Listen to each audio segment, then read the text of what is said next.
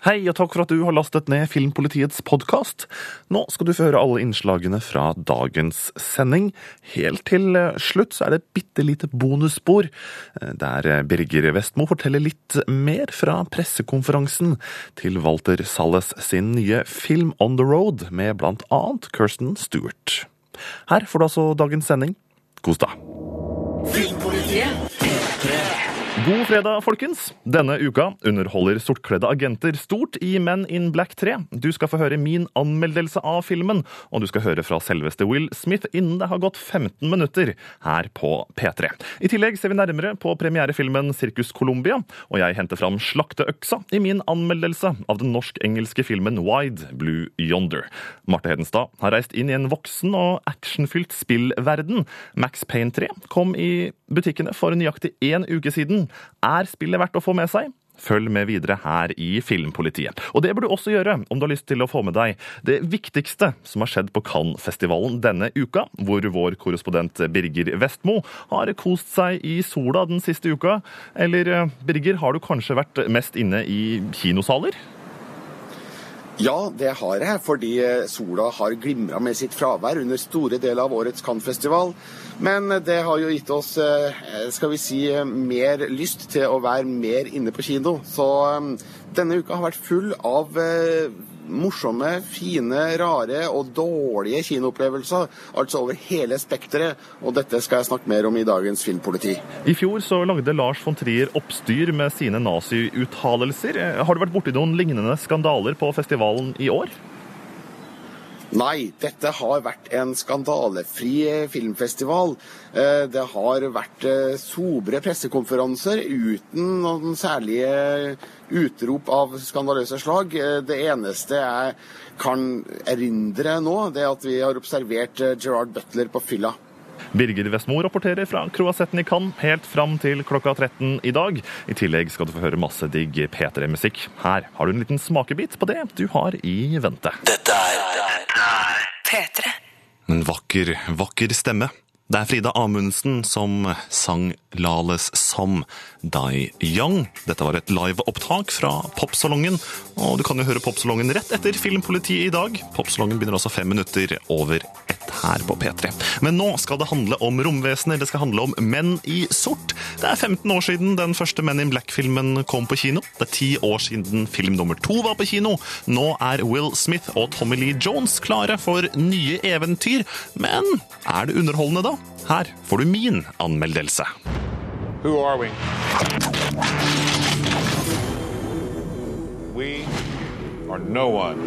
En munnrapp afroamerikaner, en hvit kis kjipere enn en norsk eksamen, heftige sci-fi-våpen, sprø gadgets, tørre vitser, artige actionsekvenser og masse romvesener. De svartkledde herrene i Men in Black 3 serverer en heftig og underholdende film om tidsreiser og vennskap. I'm getting too old for this.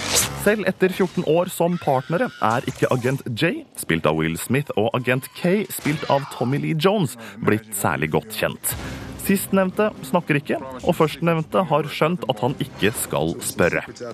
En dag forsvinner Kay i løse lufta. Jay må ikke bare løse mysteriet og redde planeten og menneskeheten. Alle årene med stillhet har en forklaring. En dramatisk forklaring. Somehow history has been rewritten. There has to be a reason this is happening, and Kay seems to be at the center of it. You're gonna send me back to 1969. Saken tar Jay til 60-tallet, hvor han i ren Tilbake til fremtiden 2-stil må forsøke å rette på fortiden for å redde fremtiden. Forviklinger og misforståelser er morsomt. Will Smith får meg til å både le og gispe. Problemene som oppstår når en velkledd afroamerikaner ramler inn i et samfunn som fortsatt bærer preg av forskjellsbehandling mellom hvite og sorte, brukes smart. Det er i dag lattervekkende å se hvordan agent J reagerer når to rasistiske og hvite politimenn stopper han for å ha for fine klær og en for fin bil. Skildringen av New York og den amerikanske østkysten i 1969 er godt gjennomført, men betyr lite for filmopplevelsen. Det er så mye som skjer i løpet av 1 time og 45 minutter at du ikke har tid til å dvele.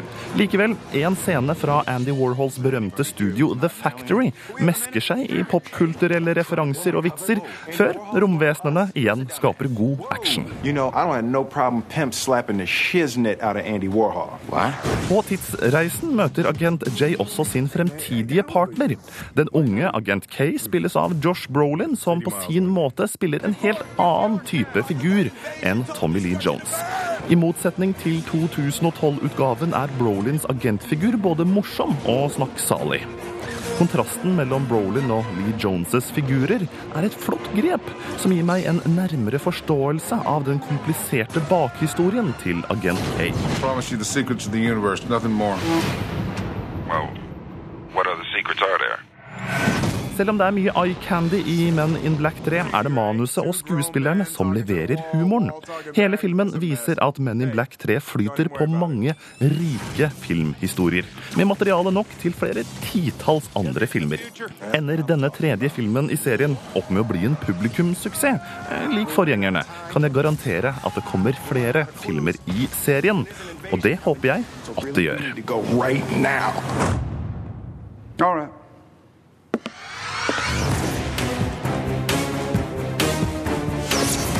Hører på Du hører på P3. Gutta i sort fikk eh, terningkast fem fra meg. Eh, Hvis du har lyst til å lese anmeldelsen en gang til, kanskje du har lyst til å se noen videoklipp fra filmen før du bestemmer deg for å gå på kino, eller kanskje du har lyst til å diskutere fordi at du tenker, Rune, hva er det du driver med? Du kan ikke gi en terningkast fem til en sånn film! Uh, uansett, gå inn på p3.no, skråstrek filmpolitiet, da. Så klikker du deg inn på anmeldelsen, og så finner du kommentarfeltet. Der kan vi diskutere. Straks skal du få møte Will Smith her i Filmpolitiet. Dette er P3. Du hører på Filmpolitiet her på NRK P3. Akkurat nå handler det om Men in Black 3. Visste du at det er Will Smith som eh, står bak eh, historien i Men in Black 3? Hm. Nå skal du få høre hvordan den filmen ble unnfanga. I actually, it's funny, I had the idea part two. I was just sitting around in my trailer one day, and the concept of time travel to save my partner's life, and then wait, I could go back, but then reveal secrets about the, the characters. Okay. How do you know my name? Ingen var interessert i Will Smiths gode idé under innspilling av film to. Det tok hele ti år før alle var overbevist og tilbake på settet. It was like a, a high school reunion. You know, it was like you go going back and seeing all those old friends and how they've put weight on and all those. and God, I used to love that girl. And no, yeah, it's, it's uh, ten, 10 years is a long time. But when you get to a part three of a movie, you just don't want it to be bad. You know, it's like you just killed a franchise, and uh, it's such a huge opportunity. And what happens is these movies start to mark spots and mark moments in people's lives. It, it becomes hugely important, you know, for me to deliver something that is as magical as the Star Wars trilogy was for me. Yeah, these in the future? That's what I'm talking about. Ambisiøse ord fra Will Smith. Han vil lage filmer som er like viktige for unger i dag som Star Wars var på 70- og 80-tallet. Lykke til! Jeg gleder meg til å se Men in Black 4 med slike høye ambisjoner, i hvert fall.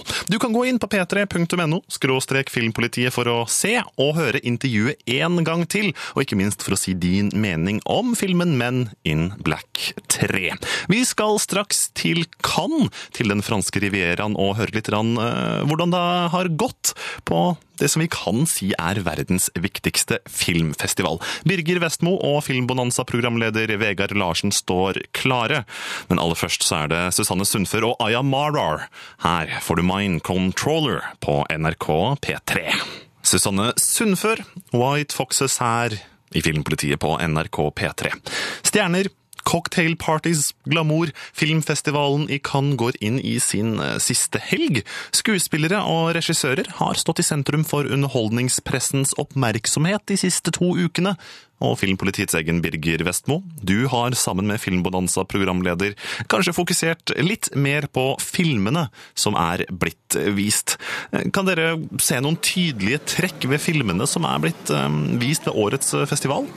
Nei, Svaret på det er vel at eh, det er vanskelig å finne felles trekk. Fordi eh, det er et så variert program med så mange forskjellige typer filmer at det er vanskelig å se noen spesielle fellestrekk de eventuelt har. Eh, Hva sier du, Vegard? Har du merka noe felles? Nei, så Jeg er helt enig med deg i- det, Birger.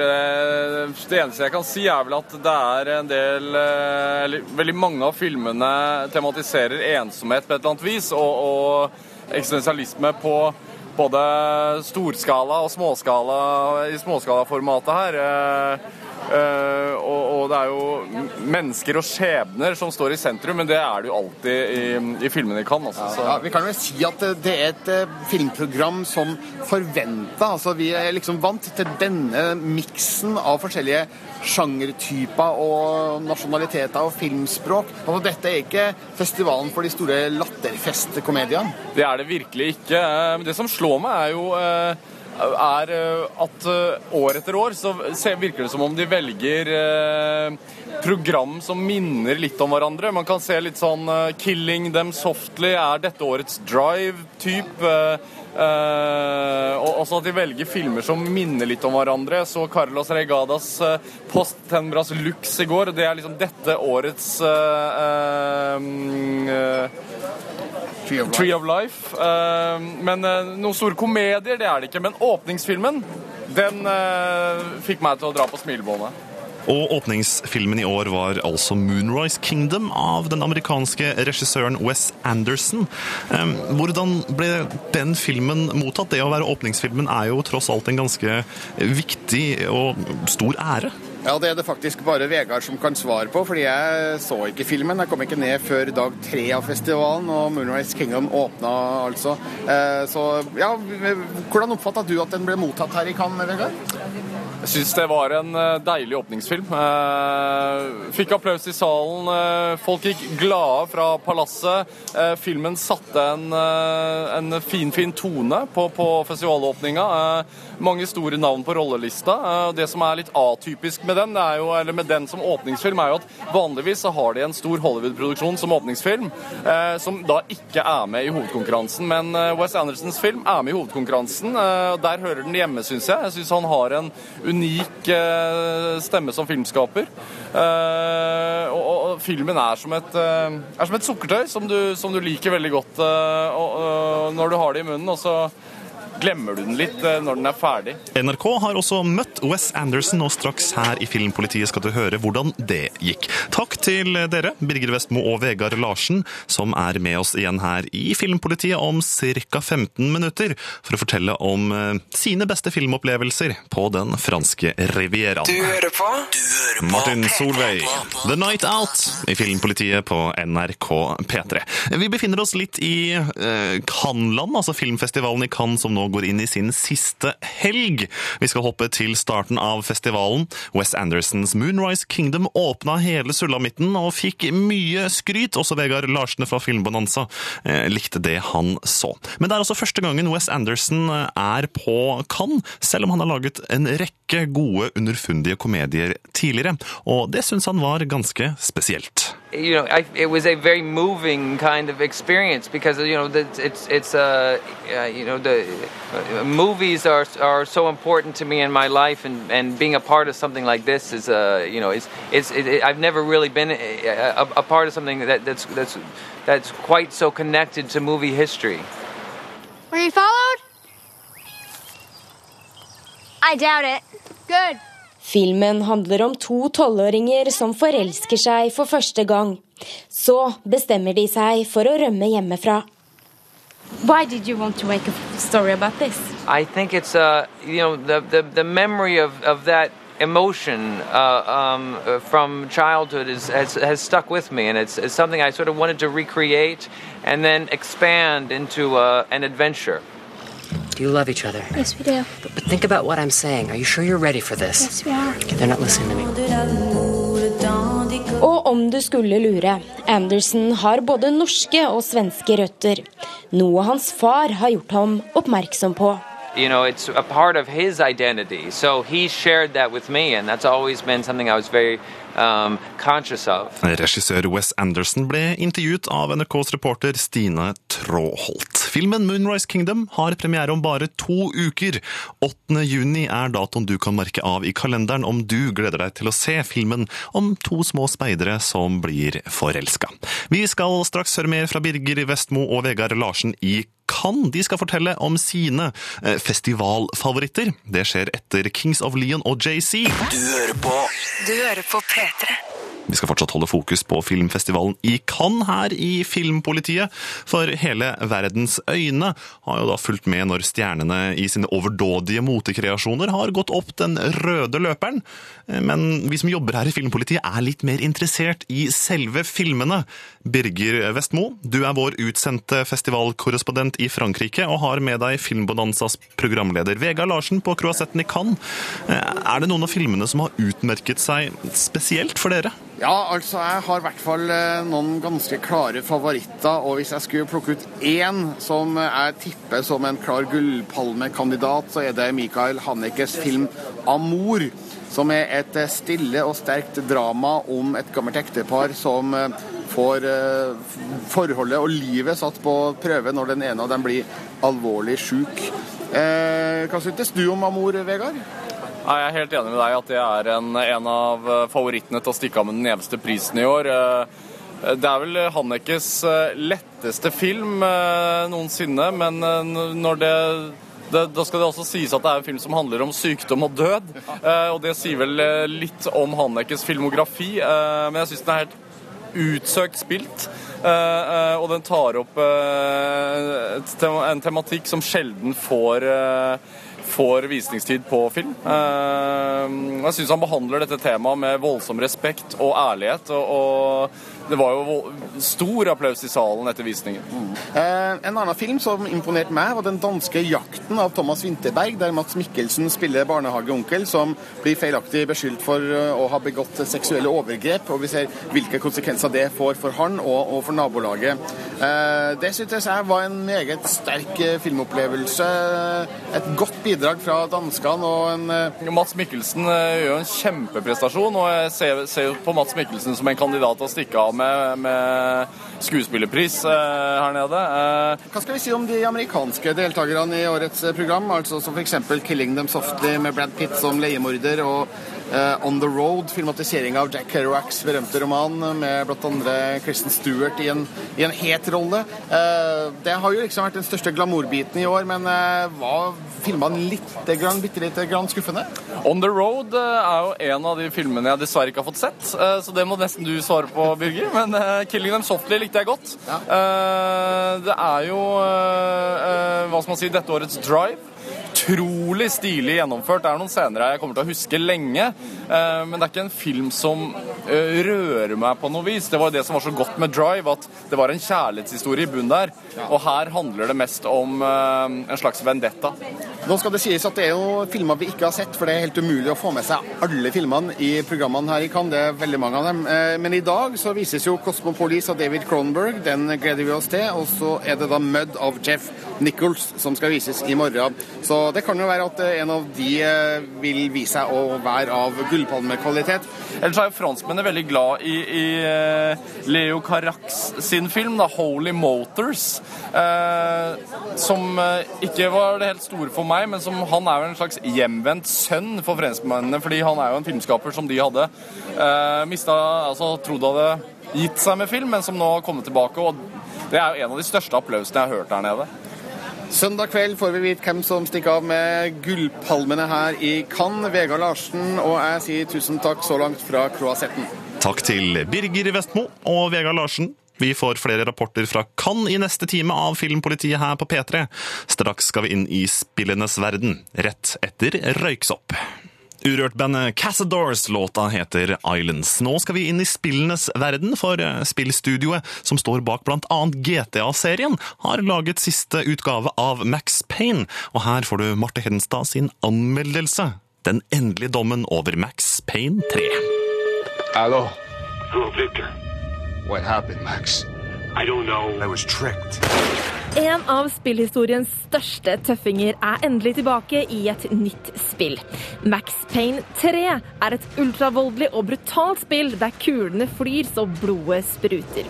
Dette er ikke et spill for folk under 18 år, men det er strålende underholdning for voksne actionentusiaster. The girl was kidnapped by the CS. We have always been targets.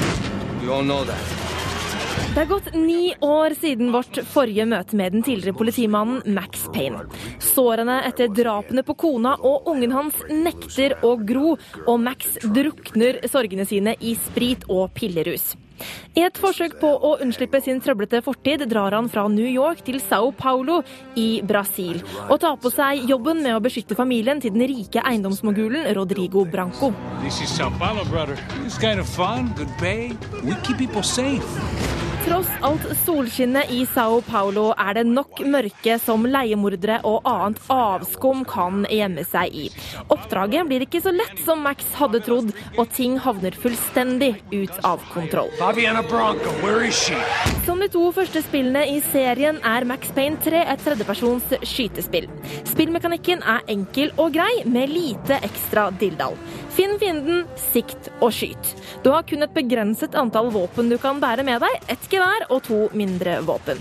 Dette gjør det enkelt å holde styr på ting, men ikke tro at utfordringene blir lettere av den grunn. Du må forberede deg på å dø en del når du spiller Max Payne 3. It's time to bring this little hellhole to the ground. De som har spilt de to første Max Payne-spillene, husker garantert bullet time-effekten serien er så kjent for.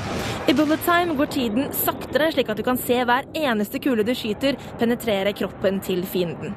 Max Payne-tilhengere kan juble over at bullet time er blitt med videre til Max Payne 3 også, og dette byr på heftige sekvenser når du får inn en skikkelig fulltreffer. Det er ikke bare bullet time som hindrer Max Payne 3 fra å bli en generisk tredjepersons skyter. Spillet har nemlig en spennende historie som drives frem av velregisserte filmsekvenser.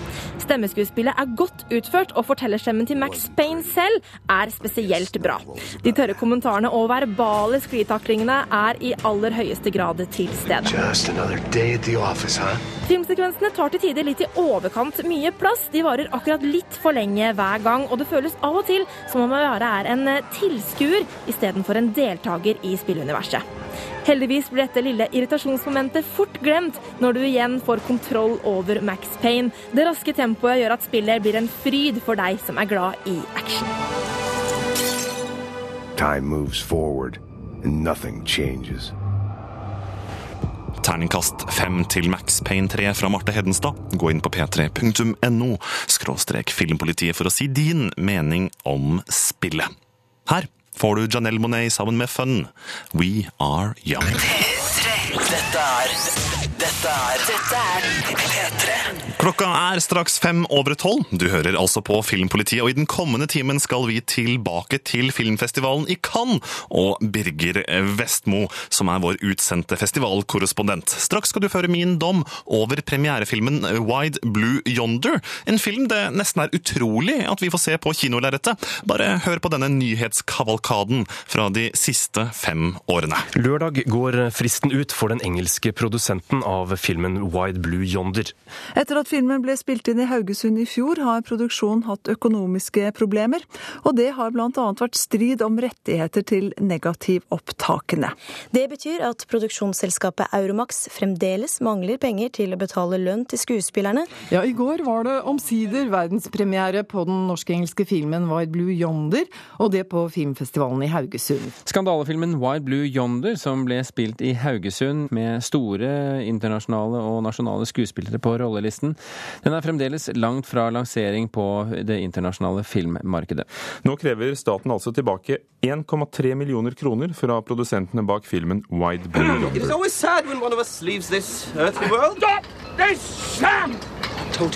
Like. Filmen Wide Blue Yonder har gått igjennom en av norsk filmhistories mest turbulente fødsler. Store skuespillere og et interessant utgangspunkt for fortellinga redder ikke filmen fra et brutalt mageplask i Haugesunds havn. Remain as a congregation.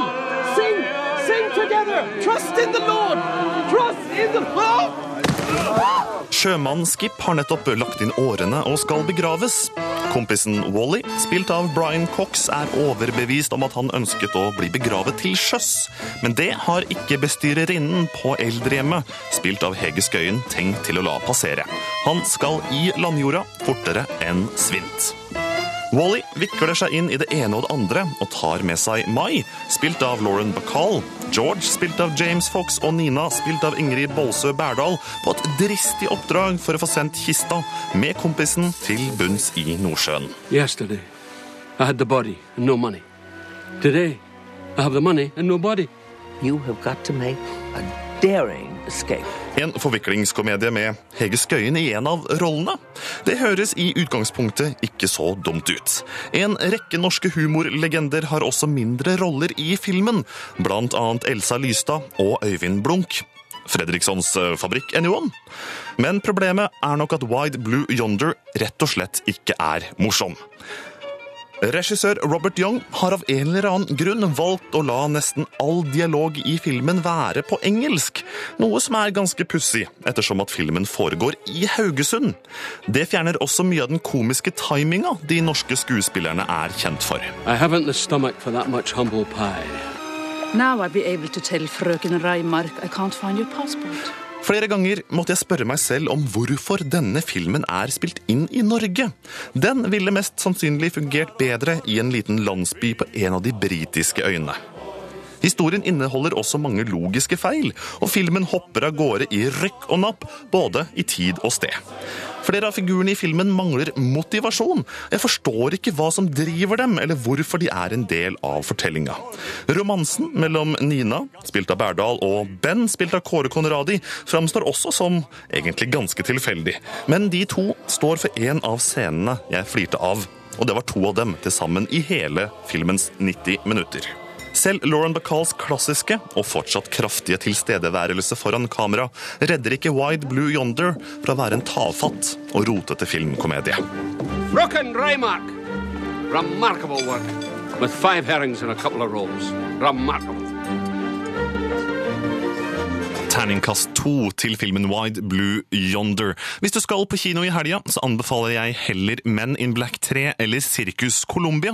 Gå inn på p3.no skråstrek filmpolitiet for å få full oversikt over alle kinofilmene som er mulig å få med seg akkurat nå. NRK P3. The Black Keys her i Filmpolitiet på NRK P3. Den siste uka så har sjefen sjøl, Birger Vestmo, rapportert fra Cannes. Og, Birger, på Cannes så er pressekonferansene en, en viktig arena hvor, hvor, journalister og filmstjerner møtes. I fjor så var Lars von Trier skal vi si, på toppen av alle nyhetene fordi han kom med noen litt kontroversielle nazi-uttalelser. I år så har det ikke vært så mange skandaler, men har det vært noen interessante pressekonferanser for det? Ja, det har det jo vært. Og den pressekonferansen som det var aller vanskeligst å komme inn på, det var 'Killing Them Softly' på tirsdag. For den har nemlig Brad Pitt i hovedrollen. Og det er en mann som pressen kan elske å se. Så det var en pressekonferanse som gikk uten de store skandalene. Altså, den største var vel da den gale spanske kvinnelige reporteren reiste seg bak i salen og spurte Brad Pitt Do you like to slap people in the face? uh, uvisst av hvilken grunn, men uh, det korte svaret var heldigvis uh, no. men han fikk jo heldigvis andre bedre spørsmål, og et av dem gikk ut på at han er jo barnefar. Og om han dermed da kvia seg for å spille kyniske, kaldblodige mordere på film, som han gjør i 'Killing Them Softly', og dette er det han svarte på det. It, um, not, not in any way. Um, certainly the gangster world, murder is is is uh, is a accepted possibility when you when you're dealing that in uh, in crime. Um, I would have much more harder time playing something like a something I like a, some, a racist or something along those lines. It would be much more unsettling for me than than uh, a guy who shoots another guy in the face. Ja, det var altså Brad Pitts svar på om han kvia seg for å spille eh, mordere på film, og det gjør han altså da ikke. Ja, han har jo da flere eh, funksjoner i filmen 'Killing Them Softly'. Han er jo da først og fremst filmens stjerne, selvfølgelig, men han er også en av produsentene. Og det er jo noe vi har sett eh, Brad Pitt gjøre oftere og oftere de senere åra. Han er både stjerne, stjerne, i filmen, som han sjøl er med å produsere. Og um, han forklarte under pressekonferansen Cannes hvorfor han ønska å produsere mer film. Like Didi and I have focused on films that might have a difficult time getting made, and to help those get made, and, and to get behind filmmakers like Andrew, who we believe very strongly in and have great admiration for. But we also are looking for stories that say something about our time and who we, who we are. And we Det her høres jo litt ut som at Brad Pitt eh, sikter seg inn mot produksjon av film istedenfor å stå foran kamera. Eh, Har du fått inntrykk av det samme, Brigger? Ja, altså Han har jo signalisert før at uh, han uh, kanskje kommer til å gi seg som uh, skuespiller foran kamera etter hvert. Altså, han, jo, han, blir jo eldre, han også, sjøl om jeg syns det er vel tidlig å gi seg allerede nå. Men det er tydelig at han ønsker å ha et mer håndfast grep rundt filmene han er med i. Kanskje med tanke på en gang fokusere mer på produksjonsbiten enn på det å være filmstjerne. Så vi får bare se hva han gjør de neste åra. Han, eh, han har signalisert for at han skulle slutte med å stå foran kamera når han ble 50, men eh, det kan jo ha vært en, en, en dårlig spøk, jeg vet ikke. Eh, det er ingenting som tyder på at vi har slutta å ønske å se han, i hvert fall inntil videre. for han kommer til Cannes med en film som er helt ålreit, men han er fremdeles da den aller største stjerna som, som, er her. Så interessen rundt Brad Pitt er fremdeles veldig stor, og det ville vært synd om han skulle gi seg nå. Takk til Birger Vestmo, som er på filmfestivalen i Cannes. Vi skal innom eh, Birger en siste gang før vi gir oss for dagen her i Filmpolitiet. Men akkurat nå så er det Peter Esdal. Låta heter 'Brother'. Madeon her i Filmpolitiet på NRK P3. Vi skal tilbake til filmfestivalen i Cannes. Birger Vestmo, du er vår utsendte korrespondent på den franske rivieraen. Den si, danske filmen 'Jakten' er det nærmeste vi kommer en, en litt sånn, i hvert fall delvis norsk deltakelse på årets filmfestival. Hvorfor det? Nei, Den deltar altså i hovedprogrammet. Eh, det gjør ingen eh, norske filmer, heller ingen svenske filmer i år. Så da får vi eh, si at danskene er våre representanter der i år. Og heldigvis så viste det seg at uh, filmen deres er god. Den heter altså 'Jakten', regissert av Thomas Winterberg, og er hans retur til Cannes uh, 14 år etter at han var her med sin gjennombruddsfilm 'Festen'. Og uh, 'Jakten' har jo visse likhetstrekk med 'Festen'. Altså Det handler om en, en mann, en, en barnehageonkel, spilt av Mats Mikkelsen, som da blir feilaktig beskyldt for seksuelle overgrep. Og vi ser da hvordan det får ringvirkninger ringvirkninger for både han og resten av nabolaget. Det er en eh, sterk film, og spesielt eh, vi nordmenn som husker litt tilbake i tid, eh, vil jo kanskje få vekke assosiasjoner til den såkalte Bjugn-saken fra tidlig 90-tall. Uh, uten at uh, vi skal slå fast noe som helst uh, om hva som eventuelt skjedde der. Men her får vi i hvert fall se hva som kan skje i et lite samfunn når rykter og beskyldninger om seksuelt misbruk av barn kommer opp til overflata. Så Mats Mikkelsen gjør altså en sterk hovedrolle, og han har Filmbonanza møtt under filmfestivalen her i Cannes. Sett med norske øyne så har dansk film en solid fot i Cannes. Ofte er filmer i hovedprogrammet. Ja. Hva er det dere gjør riktig? Der må være noen som drikker rødvin med de riktige. Jeg vet det ikke. Der, der sker jo ofte det med, når, når noen har fått en fot inn i, en festival, så øh, er der tendens til, at man er nysgjerrig på, om det kommer noe mer fra det land neste år. Mm. Og, og, så, sånn tror jeg bare, det er. Øh, men forhåpentlig er der lige så stor oppmerksomhet på en norsk film og en svensk film, øh, som der er på en dansk, fordi sånn skal det jo fungere. Men øh, der har også vært mange filmer der har været rigtig gode. Øh, så det, vi håper på det derfor. Råd til uh, norsk film hvis de vil hevde seg like bra som det danske? Ja, men jeg, jeg tror ikke det er så mye råd å gi annet enn jeg, jeg fornemmer at man er i gang med det. Man skal lave den film man vil lave.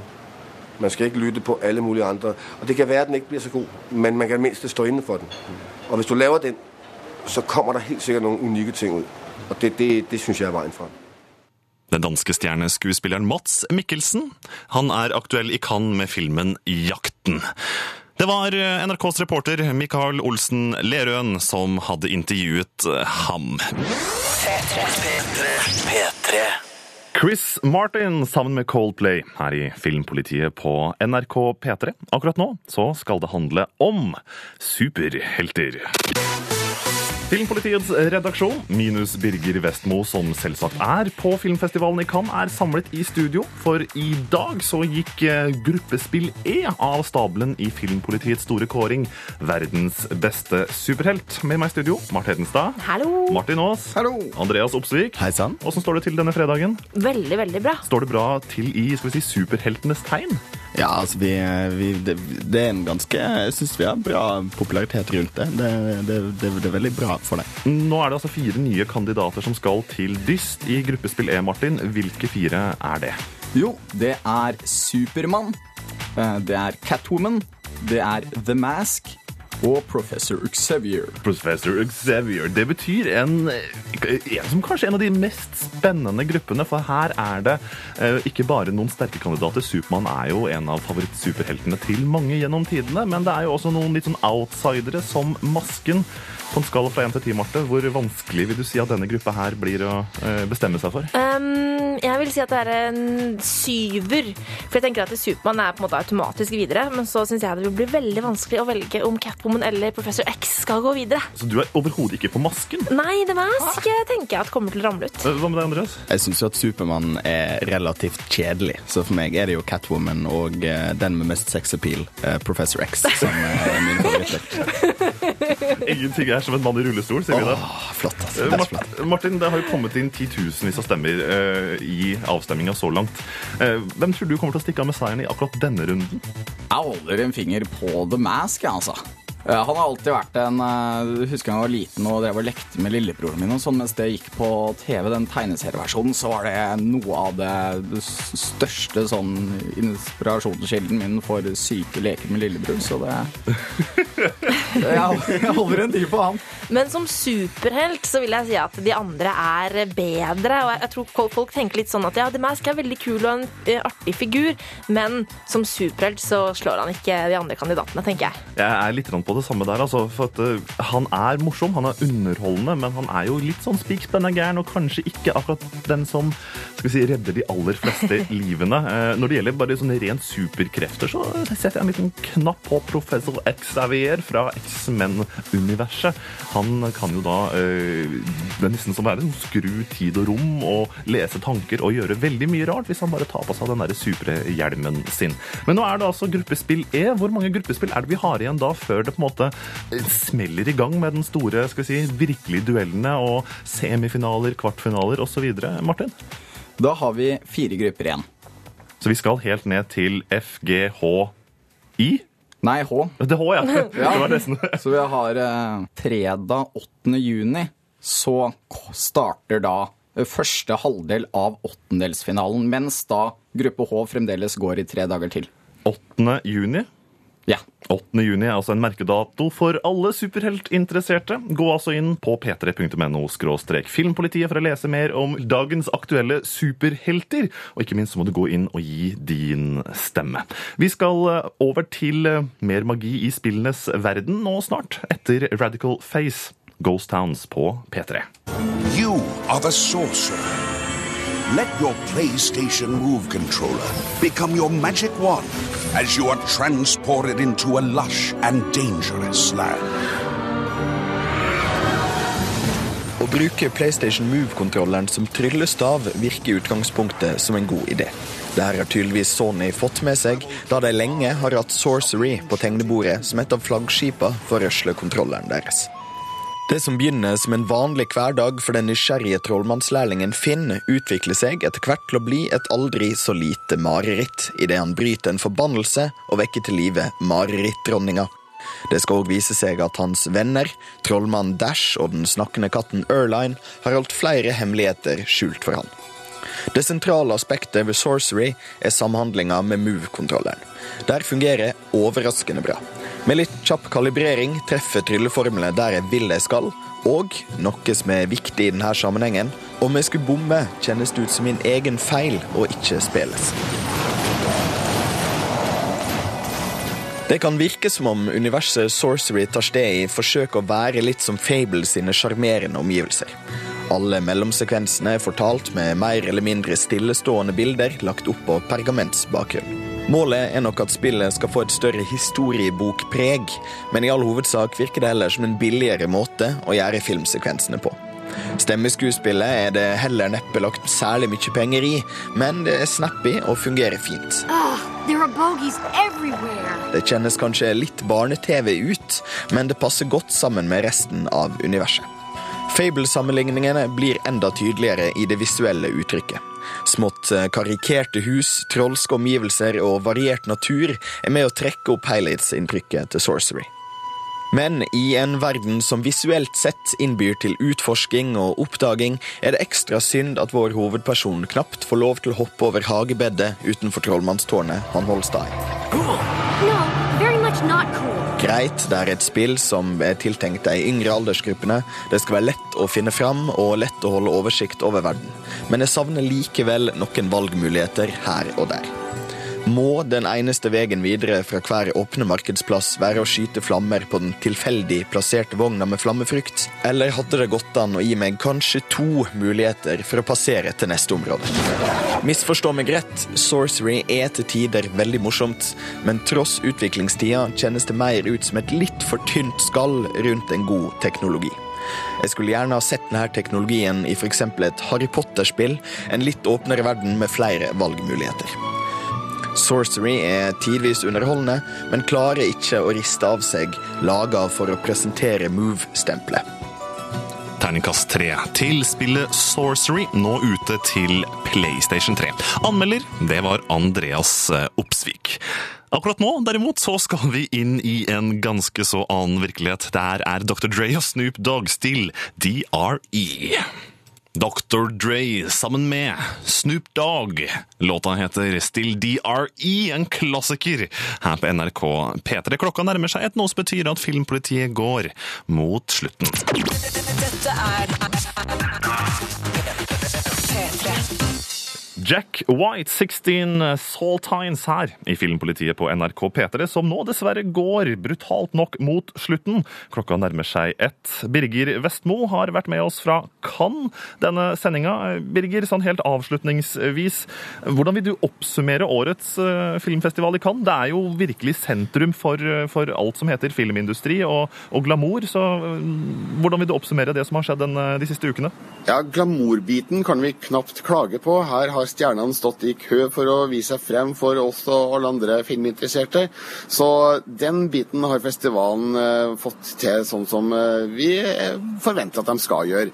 Når det gjelder kvaliteten på filmene, så har jo det vært varierende. Altså, jeg har jo latt meg imponere av eh, Michael Hannikes 'Amor', og de som var så heldige å være her fra starten av, eh, ble imponert over Wes Andersons 'Moonrise Kingdom'.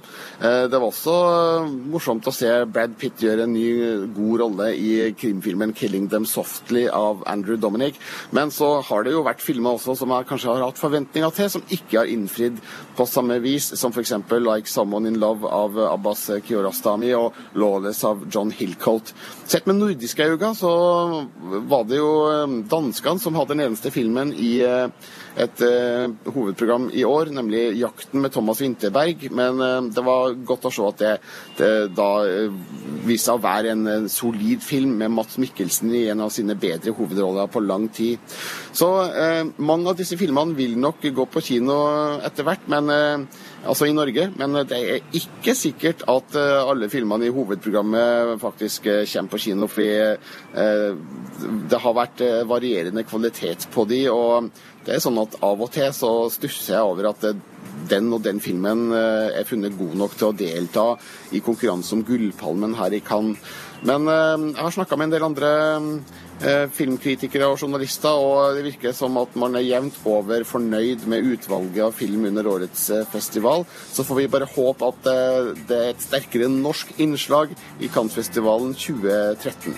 Hvis du som hører på ikke har fått med deg alt Birger har skrevet og snakket om eh, fra årets Cannes-festival, ja, da går du inn på p3.no filmpolitiet og sjekker ut Cannes-banneret helt i toppen av nettsida vår, så kan du få lese alle sakene en gang til om du vil det. Birger Vestmo, du får god tur hjem til Norge, og takk for eh, rapporteringa fra Cannes. Håper du har kosa deg på festival. Selvfølgelig har jeg det. Her i Cannes så er det aldri kjedelig å være filmkritiker, i hvert fall. Takk til deg, Birger. Fram mot nyhetene her på P3, MIA Bad Girls. Jeg heter Rune Håkonsen og sier god helg. Filmpolitiet P3. Dette var ukas filmpolitisending. Håper du likte den. Nå skal Birger Vestmo fortelle litt mer fra Cannes på et lite eksklusivt podkast-eksklusivt bonusspor. Han var nemlig også på pressekonferansen til Walter Salles sin nye film On The Road. En filmatisering av beat-bøkene til Jack Kerouac. P3. Dette er Dette er P3. Brad Pitt var ikke den eneste som holdt pressekonferanse på filmfestivalen i Cannes. Det var faktisk tonnevis av dem. Og Birger Vestmo, du var eh, på pressekonferansen til Walter Salles sin nye film. eh, Filmatiseringen av beatboka On The Road. Eh, Hvordan foregikk det? Jo, det var folksomt. Det var mange fra både skuespillerne og produsentene inne i bildet der. Eh, Men den største stjerna av dem alle, det var nok Kristen Stewart, som jo har blitt stjerne gjennom eh, Twilight-filmene. Hun ser nå ut til å prøve å gå mot eh, voksnere roller. Hun har vel kanskje behov for å komme seg litt unna dette Twilight-stempelet som hun har eh, ubønnhørlig fått på seg. Eh, I den eh, filmen her, On The Road, så deltar hun i ganske eksplisitte sexscener, og det er jo selvfølgelig noe en ung kvinne da får spørsmål om på pressekonferanser. Det er jo litt snodig at det verken Sam Riley eller Gareth Hedlund, som hun har sex sammen med på film, de får ingen spørsmål om det. Men eh, hun som er ung kvinne, hun får altså det. og hun svarte eh, slik på spørsmålet om eh, hvorfor hun ville ta på seg en, en slik vågal oppgave. obviously everyone who who does scenes like that the first thing you say is oh i felt so safe. Walter put me in an environment that was very informed by the natural story. But- but i loved i love pushing. I love i love scaring myself. And um, i think to watch to watch genuine experience on on screen is just so much more interesting than than seeing uh, you can see the tape holding up this, the the pasties, or like you can see that you know. I, I wanted to do it. I, I, the reason the reason I want to do the job is because you know you read something, you're provoked on some level, and then it's just taking that further and being able to live it. And and I always want to get as close to the experience as I possibly can. And um, I, in this case, I. I didn't have a thought in my mind. Like I think I, we we really were just uh, going forth. It was always about going forward, and and so um, as long as you're as long as you're always being really honest, there's nothing ever to be ashamed of. And um, yep. Ja, Så det var altså det mm, Kristen Stewart hadde å si om eh, sine hete sexscener i eh, On The Road. Eh, Det som er litt morsomt fra kjendis-glamourjournalistikkens side, er jo at kjæresten hennes, Robert Pattinson, han har jo også vært i Cannes. Han er her nå i dag faktisk og skal vise frem sin film 'Cosmopolis' i regi av David Cronberg på gallaforestilling i kveld. På onsdag, da On The Road ble vist, så gikk eh, både Pattinson og Stewart den røde løperen, men ikke sammen. Adskilt. De eh, prøver å holde liksom eh, forhold og profesjonelle ting adskilt. og det, det skal bli spennende å se om de velger å gjøre det også i dag, eller om de kanskje da skal tilfredsstille de hundrevis, tusenvis av eh, fotografer som er her, og gå den røde løperen sammen. Det, det får vi se på. Men i hvert fall On The Road signaliserer en voksnere Kristen Stewart enn det vi har sett eh, tidligere. Og sjøl om jeg kanskje ikke er helt overbevist om, om, om hennes eh, egenskaper som karakterskuespiller enda, så er det i hvert fall prisverdig at hun tør gå eh, løpet ut med On The Road og tar litt større sjanser enn hun har fått lov til i Twilight-filmene. Jeg må spørre, har, har du sett enten eh, On The Road eller Killing Them Softly? Ja, ja, jeg har sett begge to. Ja, har Da vil jeg bare avslutte med å bare spørre, spørre om, om, om de to. Kirsten Stewart, altså, aktuell i filmen On the Road. Og litt tidligere i denne podkasten så hørte du Birger Vestmo snakke om, eh, eh, om godeste Brad Pitt og hans film 'Killing Them Softly'. Eh, Birger, kan du helt avslutningsvis bare gi oss en liten, eh, et lite inntrykk av disse to filmene? Er dette gode filmer som vi kommer til å, til, til å høre mye om i framtida, eller vil de forbigå i stillhet og heller kanskje surfe litt på kjendis, kjendis, kjendiseriet? Ja, De kommer til å gå på kino, det er jeg sikker på. Eh, Men eh, det er vel ikke filmer som vil stå som påler i filmhistorien. Altså 'Killing Them Softly' det er jo en eh, ganske mørk og skitten gangsterthriller med sort humor, så vi er inne i Quentin Tarantino-territoriet her. Men det er veldig fokus på, på sånn kiosklitteraturdialog, pulp-dialog, og korte, men eh, svært brutale voldsscener. Så eh, eh, det er en fin liten gangsterflekk for dem som liker sånt. Når det gjelder On the Road, så er det en litt større, lengre sak. Den er jo basert på Jack Kerouacs berømte bok fra 50-tallet, eh, og, forteller da hvordan de kjente beat-poetene ble, ble forma, og hvordan liksom beat-generasjonen oppsto. Eh, Det er en film med veldig mye vei, med veldig mye kjøring. eh, Og veldig mange figurer som man møter underveis. Og filmen kan kanskje fortone seg noe lang, men eh, den er også full av energi. Og vi ser jo hvordan disse menneskene er på søken etter mening og tilhørighet. Drevet av en potent miks av jazz, sex og dop. Så um, On the Road uh, er nok uh, en film flere kommer til å se på kino uh, i løpet av høsten, men man bør kanskje lese boka i stedet, for den skal være bedre enn enn det filmen er blitt oppfatta som å være her i Cannes. Jeg kan i hvert fall skrive under på at boka er veldig god, og gleder meg til å se filmen. Jeg må bare helt til slutt spørre om en kort sammenligning, for Walter Salles har jo tidligere laget bl.a. Motorsykkeldagbøkene, en annen film om unge mennesker på reise, en reise som former livet eh, deres videre. Eh, Hvordan vil du sammenligne de to filmene? Ja, Det er helt klare paralleller mellom dem, og det sa jo Walter Salles også sjøl på pressekonferansen her i Cannes, at uh, dette er filmer som har veldig mye til felles. Det handler, som du sa, om unge mennesker på, på reise gjennom et uh, sosialt, kulturelt eh, landskap som er med på å forme dem til de personene de da etter hvert er i ferd med, med å bli. Så eh, det, de som likte motorsykkeldagbøkene, vil finne mye av eh, den samme tematikken i On the Road, og vil sannsynligvis like On the Road eh, omtrent like bra som motorsykkeldagbøkene også. Så dette har vært to fine filmer fra Walter Salles, og road movies er tydeligvis noe han har godt grep rundt. Takk til deg, Birger Vestmo, som den siste uka har rapportert fra Croasetten i Cannes, eller nærmere bestemt eh, kinosalene i Cannes på filmfestivalen.